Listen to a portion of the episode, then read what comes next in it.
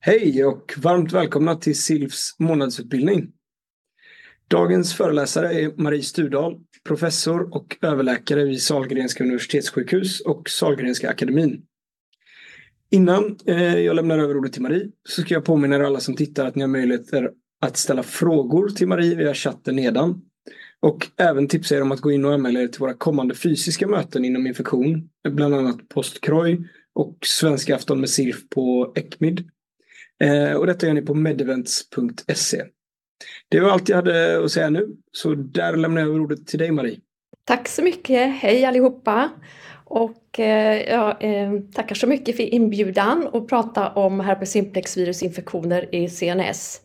Och jag kommer att tala mest om herpesencefalit. Och en hel del nyheter hoppas jag. Och, eh, men även en del om herpesmeningit. Och ni får ju som sagt då gärna ställa frågor i chatten och så ser vi om vi tar frågorna direkt eller om vi tar dem på slutet. Beroende på hur det passar. Och eh, herpesencefalit är ju vår mest allvarliga encefalit med en 70% mortalitet om den inte behandlas. Och i historiska material, när man inte hade någon antiviral behandling, så var det ju bara några procent utav överlevarna som kunde återgå till ett normalt liv eh, utan några större neurologiska skador. Idag ser det ju bättre ut med överlevnaden, men fortfarande är det ju så att många patienter lider av eh, allvarliga eller måttliga neurologiska och kognitiva skador. Och det här påverkar eh, det dagliga livet negativt förstås. Och för en hel del av patienterna så är det ju omöjligt att gå tillbaka till eh, tidigare arbete eller ens vara självständiga. Eh, på den här MR-bilden då ser ni bilaterala temporala förändringar. Och det är ju speciellt de som får bestående skador på flera olika minnesfunktioner, både retrograd amnesi och ehm, anterograd. Och det här eh, är hos en ung patient. Så därför är det viktigt att vi sprider kunskap om eh, misstänkta symptom på herpesencefalit så att vi fortsätter att gå in med en väldigt tidig empirisk acyklovirbehandling eh, så snabbt som möjligt efter att man har misstänkt encefalit enligt vår algoritm som vi har då i vårdprogrammet. Och Eh, bland de olika symptom som man kan få vid encefalit så är hög feber utmärkande för eh, herpesencefalit. Övriga encefaliter kan ju också ha det, men eh, vid herpesencefalit så är det mycket vanligt med 39-40 graders feber, antingen i anamnesen att de har haft det hemma eller på sjukhuset eller mottagningen, åtminstone vid något tillfälle. Och några ord om prodromala symptom. Encefaliten börjar ju på något sätt oftast då med huvudvärk och feber. Och det är ju inte ovanligt att det eh, uppfattas som en influensa eller en gastroenterit för de kan ha gastrointestinala eller till och med respiratoriska symptom eh, veckan innan eh, ankomsten till sjukhuset med mer uttalade encefalitsymptom. Och det här är ungefär hälften som har det. Och många gånger är ju då vitalparametrarna helt normala hos patienten och de och de har ett normalt CRP. Eh, det kan vara bra att veta att eh, autoimmun encefalit som är en diftdiagnos till eh, herpesencefalit också har prodromala symptom i ungefär samma utsträckning. Sen när man väl har lumbalpunkterat patienten och de inte har någon pleocytos, då kan det också vara risk att man avfärdar att det rör sig om en encefalit. Och vid herpesencefalit så är det 3-8% som har en första LP utan någon cellstegring. Och sen vet vi ju alla att MR-hjärna är mycket känsligare än datortomografi som ju kan vara negativ vid den första ehm, ehm, radiologiska undersökningen. Ehm, men det är sällsynt att MR är helt normal. Eh, personligen har jag bara sett det hos någon enstaka patient och det är samma sak i litteraturen. Finns det någon enstaka patient man kan läsa om som haft en negativ MR? Eh, det finns då en internationellt accepterad definition av encefalit och den kan man ju använda både i forskningssammanhang eller vid bedömning kliniskt. Och det är då att det är en nedsatt eh, medvetandegrad, eh, personlighetsförändring och det här ska ha pågått mer än ett dygn och sen är det då tilläggskriterier som feber, epileptiska kramper, fokala neurologiska symptom, pleocytos, Eh, patologisk radiologi eller EEG. Och eh, här ser ni eh, provtagningen som vi gör i, som vi har skrivit i vårdprogrammet. Och här är det ju så att virusdiagnostiken har ju ändrats på de flesta laboratorier i Sverige och första linjens diagnostik är nu Eh, multiplex PCR som ju diagnostiserar eh, både bakteriella och, och, fungala och virala patogener. Och eh, den mest använda är Film Array men det är flera andra fabrikat som nu slår sig in på marknaden och det finns något som heter Kiastat och Biospeedy som har lite olika patogener i sin panel. Och det är ju viktigt då när man implementerar en ny eh, diagnostik i eh, verksamheten och på de mikrobiologiska laboratorierna att man utvärderar och jämför den här eh, med den befintliga diagnostiken.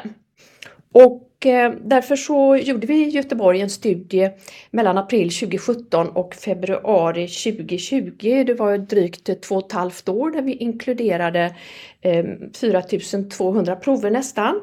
Och de analyserades både med Filmeray och med de tidigare etablerade eh, realtids-PCR-metoderna, eh, det vill säga kvantitativ PCR. Och det var för enterovirus och HSV1, HSV2 och varicella zostervirus som vi utvärderade det här. Och eh, av de här 4200 proverna så var det eh, 309 som var positiva. Det vill säga 7,5 procent av alla inskickade prover var eh, positiva. Och de med blåa punkter här i diagrammet det är eh, patientprover som är positiva både för Filmeray och för eh, de specifika PCR-erna och de röda är patientprover som är Filmeray-negativa eh, men specifikt PCR-positiva. Och eh, resultaten av den här undersökningen då visade att sensitiviteten för herpes simplex typ 1 eh, låg på 82 procent det var eh, alltså några falskt, eh, falskt negativa svar här i eh, Filmeray och eh, som ni ser så var de i det nedre intervallet, det vill säga att det inte var så mycket virus i eh, just de proverna. Och utav de här tre så var det en eh, herpesencefalit som missades. Eh, och sen när det gällde sensitiviteten för de andra eh, agens så låg det mellan 89 och 95 procent och det var också då eh, de som var i det lägre intervallet. Så konsekvensen av det här är ju då att eh, om man har en första likvor som är negativ och har eh, fortfarande en misstanke på herpesencefalit, då ska man ju behålla sin cyklovirbehandling och göra en ny LP dag 3 till 7 efter debut utav neurologiska symptom. Och eh, i Göteborg så gör vi numera då Filmeray som första linjen och sen är det något eh, som är positivt så konfirmerar man det med den specifika PCRen. Och eh, apropå det här eh, handhavandet som vi gör då med att vi, vi gör en ny LP så var det ju, det kom ju rapporter då i början eh, när man började använda PCR på 90-talet att det var en hel del negativa eh, eh likvor PCR eh, just de första dagarna. Men som ni ser här så är det ju väldigt ovanligt ändå numera med den här känsliga metodiken. Um, Initialt då så är ju eh, herpesencefaliten unilateral i temporalloben men sen om infektionen får ha sin gång utan att man eh, går in med antiviral behandling så progredierar den och sprider sig över till eh, andra sidan. Och i värsta fall så kan det ju bli ett extensivt engagemang då med lesioner både i frontalt och occipitalt och i paritallober. Och eh, det är det förekommer också att det blir blödningar i själva encefalithärden och det kan ju komma under den första veckan. Och ibland får patienten då till och med mer symptom. Och eh, virus sprider sig eh, via då trigeminus och eh, olfaktorius. Ehm, antingen eller, eller både och. Och eh, det finns ju också spekulationer om att det kan reaktivera från eh, latent infekterade hjärnceller. Och eh, till höger här så ser ni en illustration av viral spridning från den ena sidan till den andra. Och det, det här var en experimentell studie på råttor som gjordes i Göteborg och där fann man ju um, stöd för både trigeminus och olfaktorius spridning. Och sen såg man att eh, spridningen mellan eh, hemisfärerna var mellan med den här anterior kommissur, den eh, främre kommissuren som är då en eh, för tvärförbindelse mellan temporalloberna som samordnar aktiviteten mellan de olika temporalloberna. Och Eh, man har ju då också sett att det finns en genetisk predisposition vid herpesencefalit. Eftersom herpes simplex eh, virus typ 1 är så vanligt, kanske 60-70% av oss har antikroppar, men själva infektionen är så väldigt ovanlig så väcker det ju misstanke om att det kanske är något hos patienten som gör att de har lättare att få eh, den här infektionen. Och eh, man har sett att det finns defekter i eh, genen för toll-like receptor 3 och eh, hos en mindre andel av individer med herpesencefalit. Och de här receptorerna finns ju på en mängd olika celler och de är viktiga för att Eh, både igenkänna patogener men de är också en medspelare i aktiveringen av eh, det innata immunförsvaret. Och både hos barn och vuxna så har man ju sett mutationer i den här TLR3 pathway och eh, det leder då till att det blir bland annat en minskad interferonproduktion. Och, eh, så att det blir ett sämre eh, antiviralt eh, svar helt enkelt. Och det här har man väl funnit i ungefär 15 procent utav patienter men det är ju heller inte några jättestora material som är undersökta. Om vi återgår då till symptomen på herpesencefalit. Vi pratar ju om eh, den höga febern och prodromala symptomen. Huvudvärk har ju de allra, allra flesta och den är mycket kraftig. Men det är viktigt att eh, fråga om det här med desorientering objektivt och även fråga anhöriga om patienten har gjort något konstigt eller avvikande och jag tycker att det är eh, rätt så vanligt att eh, anhöriga berättar när de eh, tänker tillbaka på hur det var hemma att patienten hade udda beteenden och, och att det föregick det här att de sökte sjukvård med, med flera dagar.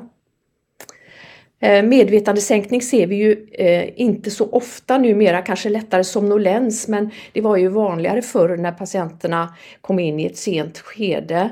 Och får infektionen fortgå så naturligtvis sjunker patienten i medvetande då, precis som vid en akut bakteriell meningit. Eh, fokala neurologiska symptom förekommer ju både med facialispares och afasi och eh, hemipares däremot ser vi rätt så sällan och det är också då att det är ett, ett sent skede och ibland kan det vara ett tecken på att det är en blödning inne i eh, den nekrotiska vävnaden. Men det som är typiskt då för herpesencefalit är kramperna, epileptiska kramperna och det är ju mycket vanligare vid herpesencefalit än vid någon annan encefalit. Eh, TB till exempel, där är det ju relativt ovanligt. Och här är det viktigt då att man eh, skiljer på eh, akuta epileptiska kramper vid själva insjuknandet och även inom sju dagar efter eh, debut av CNS-symptomen eller om det rör sig om då en, en epileptisk kramp som debuterar i ett senare skede under sjukdomsförloppet. Och det här är ju för att det ger, eh, eller att man behandlar det på olika sätt. Och eh, andra symptom som man kan ha är ju hallucinationer och agitation men det, det ser vi ju mera eh, ovanligt i, i, i alla fall i akutskedet.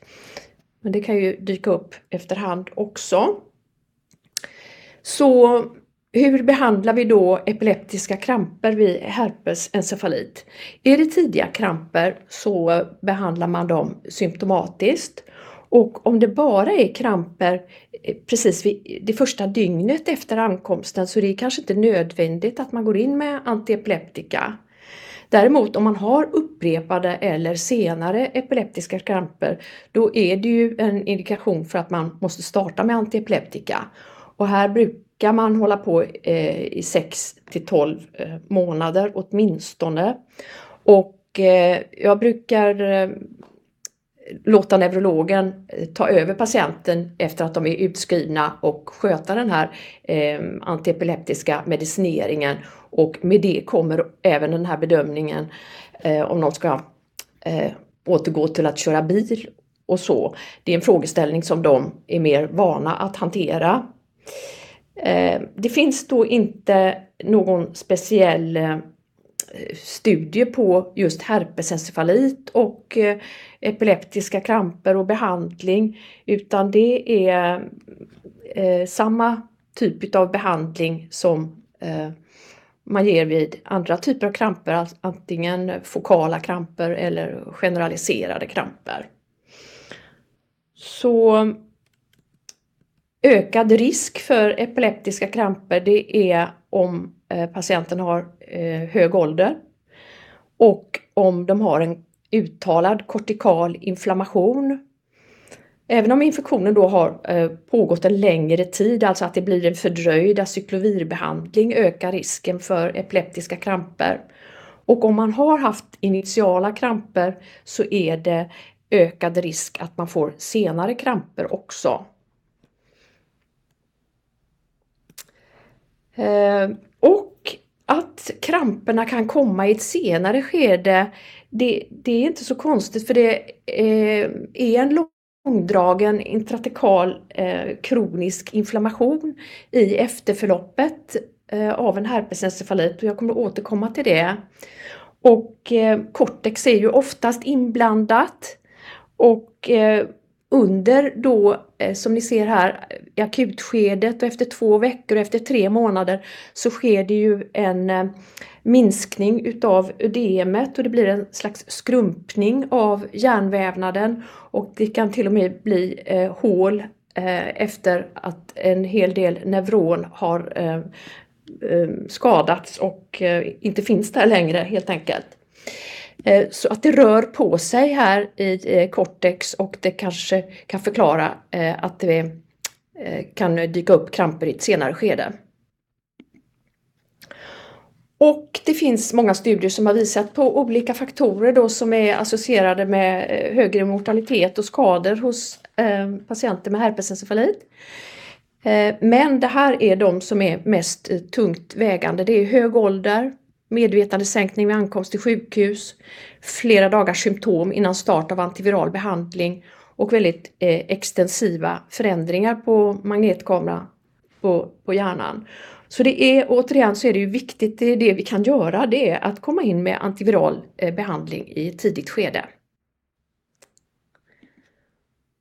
Och eh, några ord om eh, HEC relaps eller som det nu mera heter Autoimmune encephalitis after herpes simplex encephalitis. Det har fått en egen förkortning.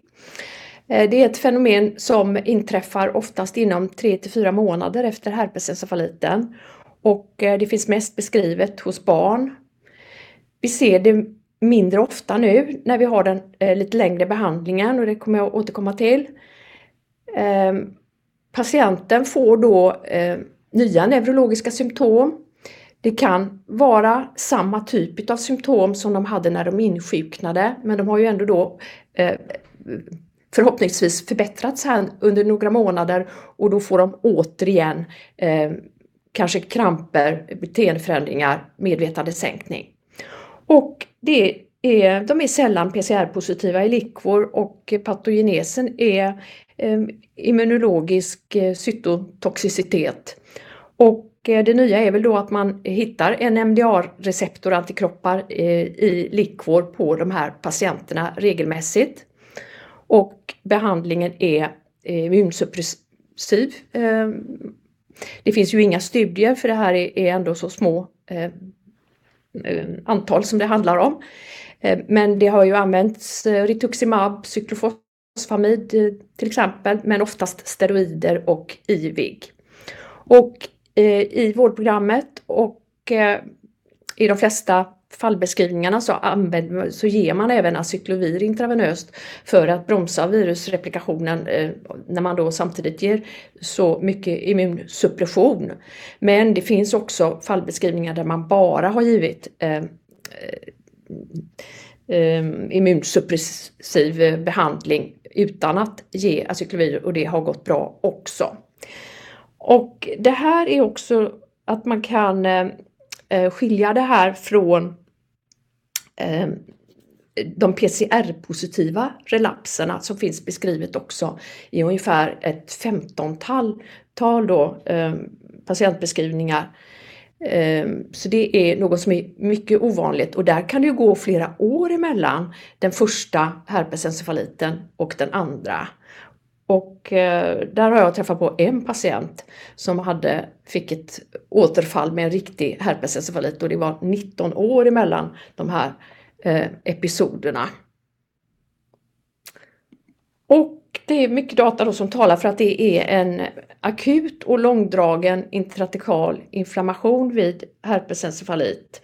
Och de här immunförsvarsreaktionerna är ju eh, av tveeggad karaktär. De är, de är ju nödvändiga för att minska och avbryta pågående virusreplikation. Men de kan ju också vara skadliga om de pågår för länge. Och vi känner till då att eh, komplement till exempel aktiveras i eh, intratekalt och eh, det kan ju betraktas då som en slags markör för innat immunitet. Men sen så Eh, har vi sett också då att eh, autoantikroppar av typen eh, NMDR-receptor, antikroppar, IgG utvecklas ungefär hos 25-30% av patienterna i efterfloppet. Och det här kommer då mellan kanske tre veckor efter insjuknande fram till tre månader där vi har haft prover och kunnat detektera det här. Och det finns även andra grupper som har visat ungefär eh, samma proportion av patienterna som får de här antikropparna. De patienterna som har anti-MDAR har också en mycket bredare och mer långdragen inflammatorisk eh, eh, respons med en mängd olika cytokiner och kemokiner. Så att vi har också sett då att det är en koppling till ehm, förekomst utav NMDA-receptor antikroppar och en sämre neurokognitiv återhämtning hos patienterna om man jämför dem med de som inte har anti-MDAR antikroppar. Så eh, det är ju så då att eh, om man har en autoimmun encefalit efter herpesencefalit, ja då är de regelmässigt anti-MDAR positiva. Men det är också så att antikropparna finns då hos 25-30% av herpesencefaliterna och att det är associerat med sämre minnesfunktioner utan att man kan identifiera att de har insjuknat i någon autoimmun encefalit. Och eh, nu lite historik här ehm, från 1970 fram till eh, nutid och den här gula linjen den eh, är mortaliteten och den gröna är andelen med neurologiska skador och då ser vi att med eh, behandling här eh, under åren som har gått så eh, sjunker mortaliteten men de neurologiska skadorna kvarstår i rätt hög utsträckning. Och det första antivirala preparatet var Vidarabin och det hade ju effekt framförallt på mortaliteten. Och sen kom acyklovirstudierna, randomiserade kontrollerade studier både i USA och i Sverige som eh, här leddes då av infektionsprofessor Birgit Sköldenberg på Karolinska. Och det ledde till att eh, mortaliteten sjönk till 20-30 procent. och de studierna gjordes ju på 10 mg per kilo gånger 3 i 10 dagar.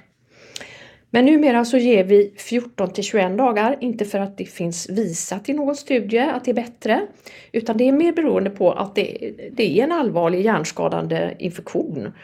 Och nu ligger då eh, mortaliteten på 5 till 19 procent ungefär. Ehm, men som ni ser så är ju problemet, den gröna linjen, att patienterna har eh, mycket neurologiska problem fortfarande. Och det här ledde då till eh, att vi eh, hade en hypotes att det skulle röra sig om en låggradig virusreplikation. Ehm, och därför gjordes den här studien som var ehm, mm, både i USA och eh, flera andra länder i Europa och Sverige ehm, där vi gav vallacyklovir i, i hög dos i tre månader efter att man hade givit intravenöst Eh, under två till tre veckor. Men där såg man ingen skillnad med den här eh, förlängda antivirala behandlingen. Eh, och eh, eh, det var negativa resultat på den här studien. Och då kommer vi fram till vår behandlingsstrategi här som vi har nu och den är ju internationellt förankrad också. Att vi tycker att i grunden är det 10 mg per kilo gånger 3 intravenöst men vi ger den här lite längre behandlingen 14 till 21 dagar. Och eh, några dagar innan 14 dagar har gått så gör man en ny LP för att se om PCR är eh, fortfarande positivt. Och är det det, eller patienten inte har förbättrats tillräckligt vad man anser, så eh, kan man fortsätta behandlingen ytterligare en vecka och sen gör man lämpligtvis då lumbalpunktion veckoligen och eh, fortsätter att behandla tills det, man har en negativ eh, PCR. Och eh, här har vi eh, något som det har forskats på bland annat i Sverige också. Eh, acyklovir-inducerade neuropsykiatriska symptom. Och det är framförallt på patienter med nedsatt eh, njurfunktion. Och de här symptomen debuterar under acyklovirbehandling. De försvinner om man dosreducerar eller om man sätter ut behandlingen eller man avslutar behandlingen. Problemet är att de här symptomen då kan likna encefalitsymptom så det kan vara svårt att förstå om det är själva grundsjukdomen eller det är en biverkan av eh, acyklovir. Eh, och eh, de vanligaste symptomen är ju konfusion, hallucinationer, ataxi, ofrivilliga rörelser, somnolens, eh, koma. Och vi intresserade oss på, för det här då och gjorde en studie på patienter med herpesencefalit eller varicella zostervirusinfektioner i CNS. De fick intravenös eh, acyklovir. Och det var 21 patienter och utav de 21 patienterna var det fyra som utvecklade de här eh, AINES Eh, under pågående eh, behandling. Och de hade då högre nivåer utav CMMG som är en eh, metabolit till acyklovir, 9-karboxymetoxymetylguanin. Och där visade det sig att eh, vi mätte ju även acyklovirnivåerna och de är oftast höga hos de här patienterna. Men eh, CMNG hade bättre eh, korrelation till eh, ANS. Så att eh, det är CMMG som är bäst att mäta. Och eh, ligger nivåerna då över 0,5 så är det eh, eh, då Eh, risk för att de utvecklar ANS. Här var det en patient som inte utvecklade eh, de här symptomen som ändå hade lite lätt förhöjt CMMG. Men alla de andra hade höga nivåer. Och eh, om man tittar i serum så är det ju ehm, de är oftast höga där också men det är sämre korrelation. Så slutsatsen är att vi ska använda likvor om det går, om man har den här misstanken. Och eh, man kan använda serum om man inte eh, har möjlighet att använda likvor förstås. Och eh, de faktorerna i den här multivariatanalysen som gjordes, eh, där såg man att eh, det var vissa faktorer som ökade risken för att man skulle få ANS. Och det var om man hade en väldigt stor blod-hjärnbarriärskada om man hade en njurfunktionsnedsättning antingen att den fanns från början eller att den utvecklades eh, och eh, hög acyklovirnivå eller dos. Och eh, där var det så att alla de patienterna hade faktiskt över 10 mg per kilo. Och det var en tid när vi gav lite högre dos för att vi trodde att det kanske var nödvändigt. Men eh, 10 mg per kilo eh, är ändå den eh, doseringen som vi har eh, som studierna är gjorda på och eh, är sannolikt tillräckligt ändå. Eh, Patienter med hög vikt också, där eh, var det en ökad risk för att få ANS. De får för hög dos helt enkelt.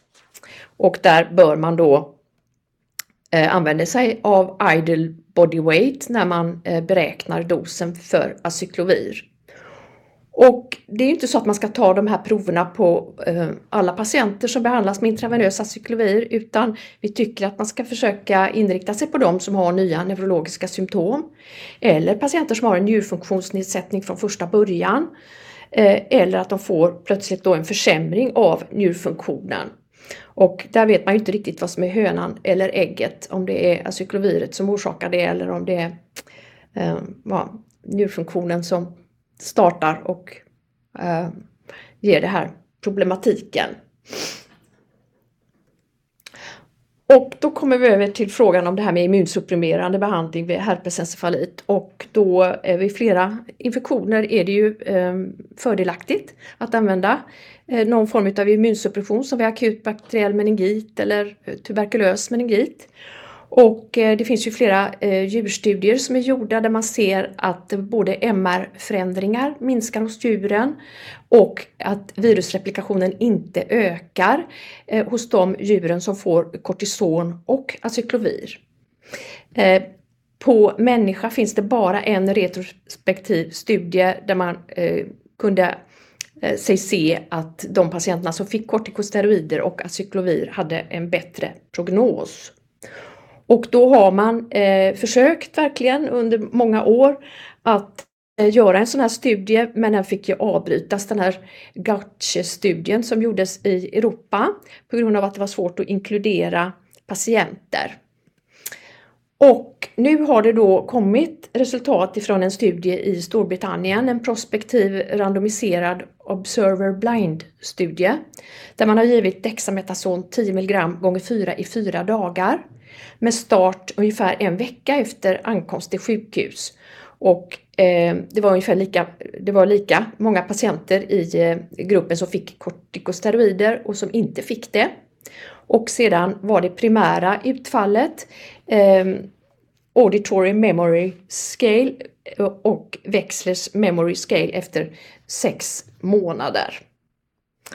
Och de här patienterna var då eh, stratifierade utifrån de faktorerna som påverkar förloppet, det vill säga hög ålder, eh, medvetandesänkning och försenat eh, eller sent givet acyklovir.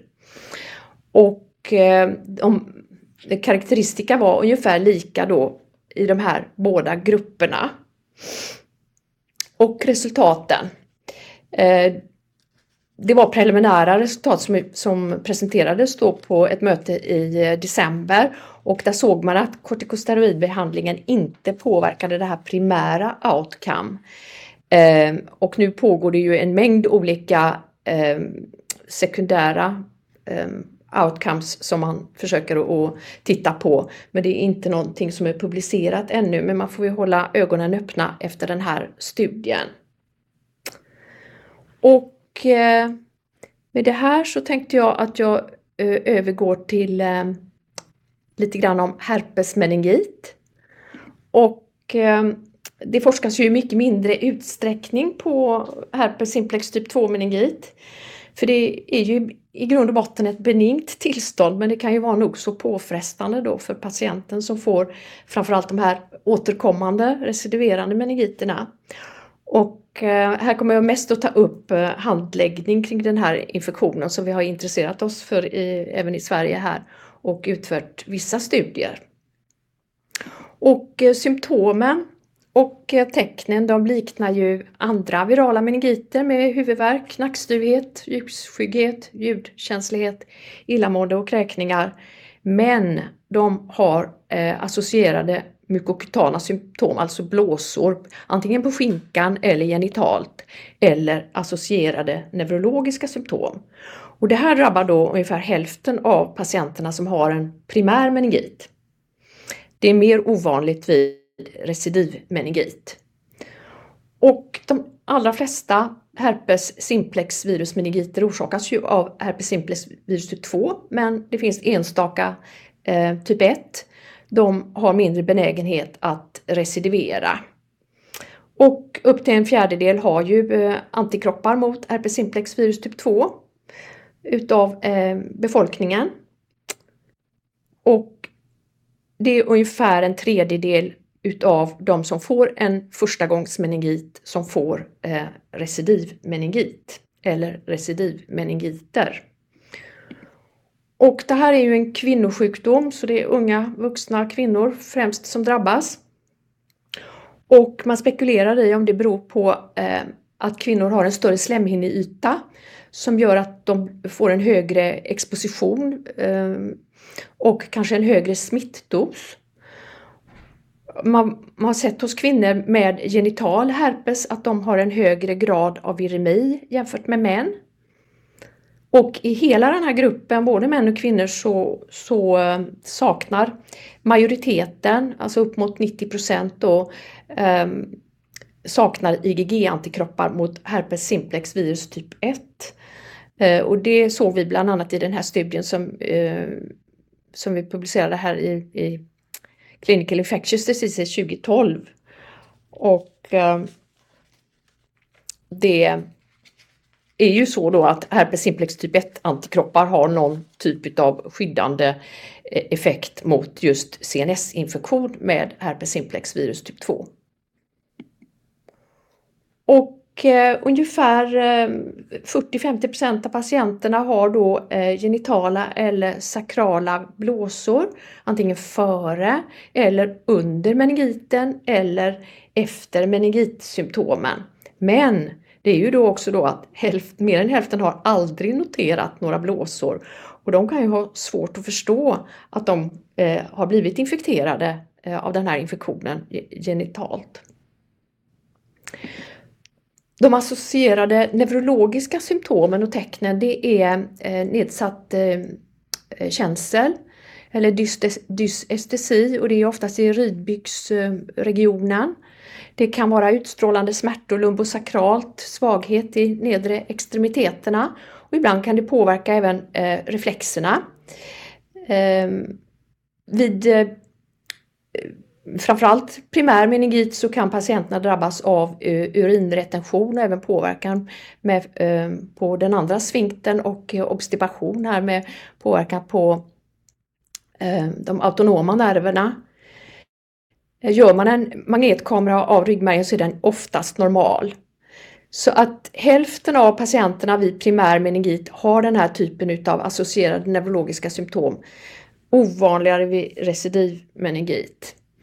Och ren myelit, det är eh, mycket ovanligt, men den kan vara eh, ascenderande och nekrotisk och till och med eh, ge, eh, vara dödlig. Eh, framförallt hos immunsupprimerade så kan det vara eh, en allvarlig infektion. Och det kan vara ibland att myeliten är eh, PCR-positiv men det kan också vara en immunologiskt orsakad myelit. Så det gäller att eh, ta reda på det ena och det andra. Eh, recidivmeningiterna, där är det så att eh, de har oftast lindrigare symptom med en kortare eh, duration. Men om det har varit väldigt länge sedan de hade sin primärmeningit så kan det bli kraftigare symptom. De saknar ofta feber, mycket vanligare då än vid primär meningit. De är inte alltid nackstyva så de upplever ofta att de blir eh, missförstådda när de söker akuten eh, och att de får tala om för ehm, sjukvårdspersonal att de har en meningit. Och har vi ehm, en patient med recidiverande serösa meningiter så är det eh, den absolut vanligaste orsaken att det är herpes simplex virus typ 2 som ligger bakom det hela.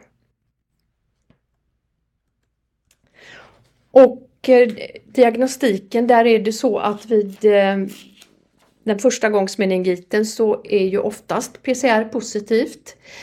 Eh, tar man serologi i blod så kan det vara en fördröjd serokonversion, det vill säga att Ehm, den här switchen från IgG negativt till IgG positivt kan komma eh, lång tid efteråt. Om man har en patient med serös meningit men man har kanske kommit in i ett lite senare skede och inte har någon lumbalpunktion, har de då blåssekret som är positivt så kan ju det ge stöd för diagnosen.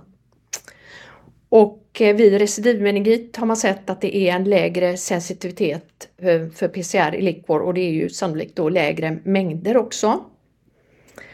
Och eh, om man då har en recidivmeningit och PCR är negativt, ja, har patienten då haft en, en tidigare eh, viral eller serös meningit och har IgG-antikroppar mot herpes simplex virus typ 2, då ger ju det ett bra stöd till eh, diagnosen.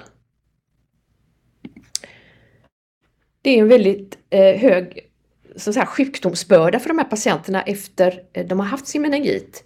Så ehm, här var en studie som Elisabeth Aurelius eh, gjorde i början på 2000-talet där hon följde 40 patienter under ett år efter meningiten och eh, där såg man då att det var så många som 18 som hade återkommande eh, ska vi se,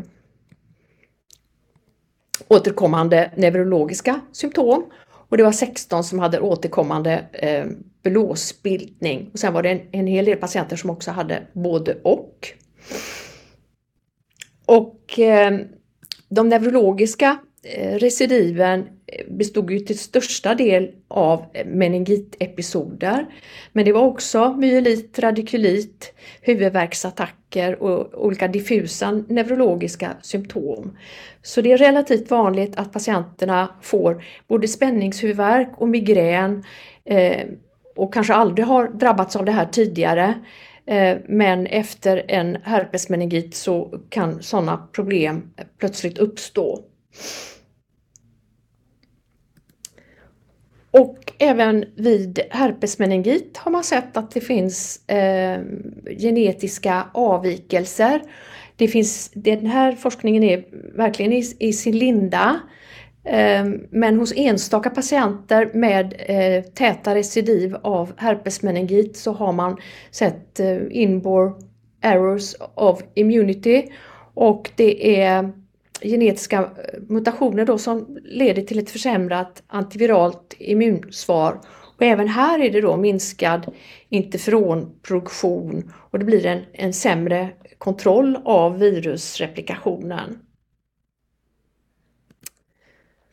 Behandlingen är eh, inte ändrad utan den står som den står i vårdprogrammet att eh, har man en primär meningit eh, Även om det inte finns randomiserade kontrollerade studier så behandlar vi ändå med Vallacyklovir 1 gram gånger 3 i 7 dagar.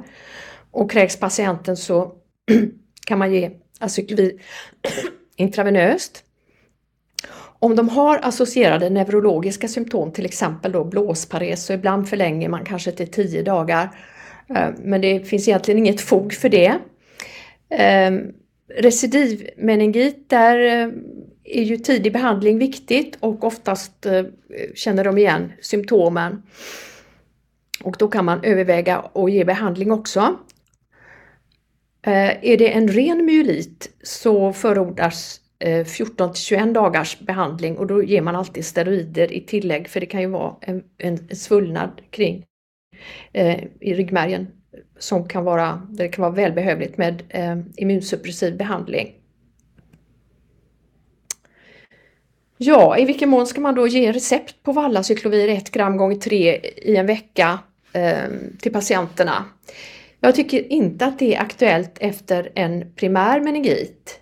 Eh, det är ju så att eh, den största eh, chansen är att patienten bara får en meningit. Om det är 30% som får ehm, res recidiverande så är det ju ändå eh, 70 som inte får det. Eh, däremot ska man eh, kanske informera dem om just att det finns en, en liten risk att man kan få tillbaka det. Och får de en väldigt kraftig huvudvärk så är det bättre att de kommer och att man gör en lumbalpunktion och att man är aktiv på det sättet. Och eh, är det en patient som så småningom utvecklar recidiverande huvudvärk eller, eller eh, meningit så bör de försöka lära sig känna skillnad på herpesmeningit, huvudvärken och eh, annan huvudvärk. Och eh, eh, är det patienter som har många recidivmeningiter så då kan jag tycka att det kan vara på sin plats att man ger dem ett recept så att de kan ha till exempel om de åker på någon utlandsresa och att man förnyar det här receptet då årligen genom någon form av kontakt, telefon till exempel. Eh, den här studien eh, som jag hänvisade till eh, tidigare där behandlade vi på nio olika infektionskliniker i Sverige patienter med antingen primär eller rekurrent meningit 500 mg gånger 2 Vallacyklovir och för att se om man kunde förhindra att de fick nya meningiter. Men Eh, det visade sig att det eh, förebyggde genital infektion, det vet man sedan tidigare, men inte recidiverande meningiter. Men vad studien också visade var att det var en väldigt hög eh, morbiditet i den här populationen. Här ser vi att vi hade effekt på den genitala infektionen men vi hade ingen effekt på eh, recidiverande meningiter och inte heller på andra symptom ifrån eh, perifera nervsystemet eller centrala nervsystemet eller till och med autonoma eh, nervsystemet. Så det var eh, ett negativt resultat. Och eh, därför så rekommenderar vi ju inte profylax eh, till alla som har haft recidiverande meningiter. Men det kan ju ändå användas i utvalda fall. Eh, patienter som har väldigt täta verifierade recidivmeningiter eller till och med har haft meningomyelit och eh, förutsättningen är att de eh, har en god compliance så att de verkligen tar tabletterna. Eh, det var väldigt låg compliance i den här studien vi gjorde då 2012. Eh, svårare eh, att ta tabletter i ett helt år om man då inte kanske är helt motiverad. Och i så fall om man går in med den här eh, profylaxet så måste man titrera ut rätt dos. Och man får då eh, utvärdera den här effekten också av eh, profylax med olika eh, perioder med, eh, där man inte använder profylax. Jag brukar eh, föreslå att de ska vara utan profylax till exempel på sommaren när det är lite lugnare. Och eh, nu tänkte jag bara avsluta lite grann med att blicka framåt vad vi har att vänta oss kanske. Och på den här fronten, eh, det pågår ju ehm, vaccinstudier. Jag såg på clinicaltrials.gov så var det 12 olika studier av eh, herpes simplex virusvaccin. Och ehm, det är främst herpes simplex virus typ 2 då. Eh, när det gäller herpesencefalit så eh, är det viktigt att identifiera olika typer av biomarkörer som kan korrelera eh, till outcome som man kanske kan använda i framtiden i framtida behandlingsstudier.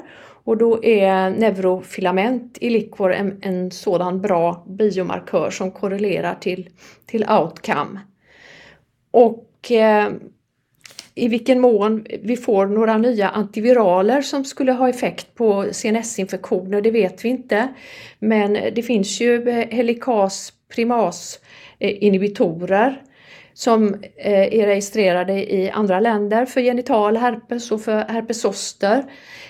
Men om de har effekt på CNS-infektioner det känner jag inte till. Och det är någonting som vi kanske får se i framtiden. Men det kan också hända att vi behöver eh, nya studier på immunsuppressiv behandling.